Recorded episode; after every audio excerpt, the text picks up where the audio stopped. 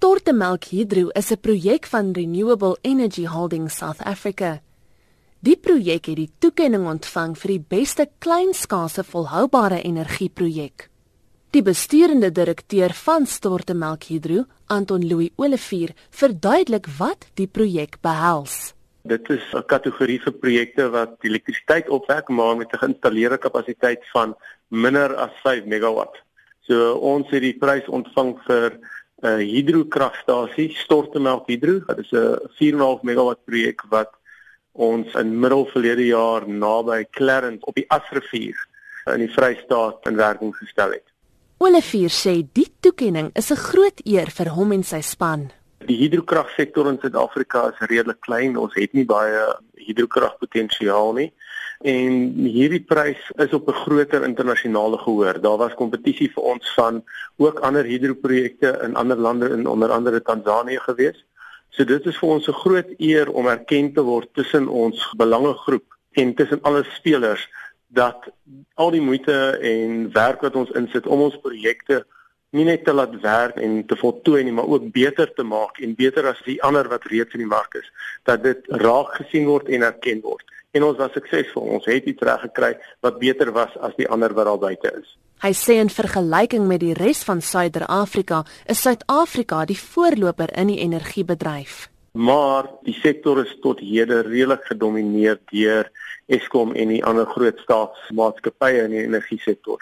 So die pryse wat gewen word vir al die private sektor spelers wys dat ons 'n dinamiese energiesektor in Suid-Afrika het en dat daar is geleenthede vir uh maatskappye soos onsself om waarde te skep en geleenthede te identifiseer en suksesvol te wees in Suid-Afrika. En ek dink Suid-Afrika word gesien as 'n rolmodel ook in die res van die streek in terme van wat kan gebeur. So ons sal sien dat uh, 'n uh, tipe van projek of 'n besigheidsstruktuur wat in Suid-Afrika werk, redelik gou gekopieer word in in ons buurlande. Die wenner van die grootskaalse hernubare energieprojek is die Bokpoort sonkragaanleg gedryf deur die maatskappy Aqua Power. Die uitvoerende hoof van Aqua Power, Nando Bula, sê dit is die tweede toekenning wat die sonkragaanleg ontvang. We are of course very honored to have received this award. It's, it's fantastic for the company, fantastic for the program itself, the IPP program, and of course we would like to have been a role model and getting this award sort of gives us the good feel that we have been doing the right things. Hy verduidelik wat die Bokpoort sonkragaanleg behels. Bokpoort CSP project was a bit brown 2 project. It's a solar power plant. However, it's not like your normal solar plant, your PV plants that you find on top of rooftops. It's actually quite an advanced thermal power station. And this uh, advanced type of technology, which is a parabolic thrust technology, allows the power station to actually run through the day and with the storage capacity store some power during the day and run through the night. So we actually can become load following stations like your big coal-fired thermal power stations and uh, really compete in a different space, which makes the, the future of renewables much more exciting for projects like Bokput. We have quite a significant storage capacity of around nine hours, which allows us to run through the night if necessary.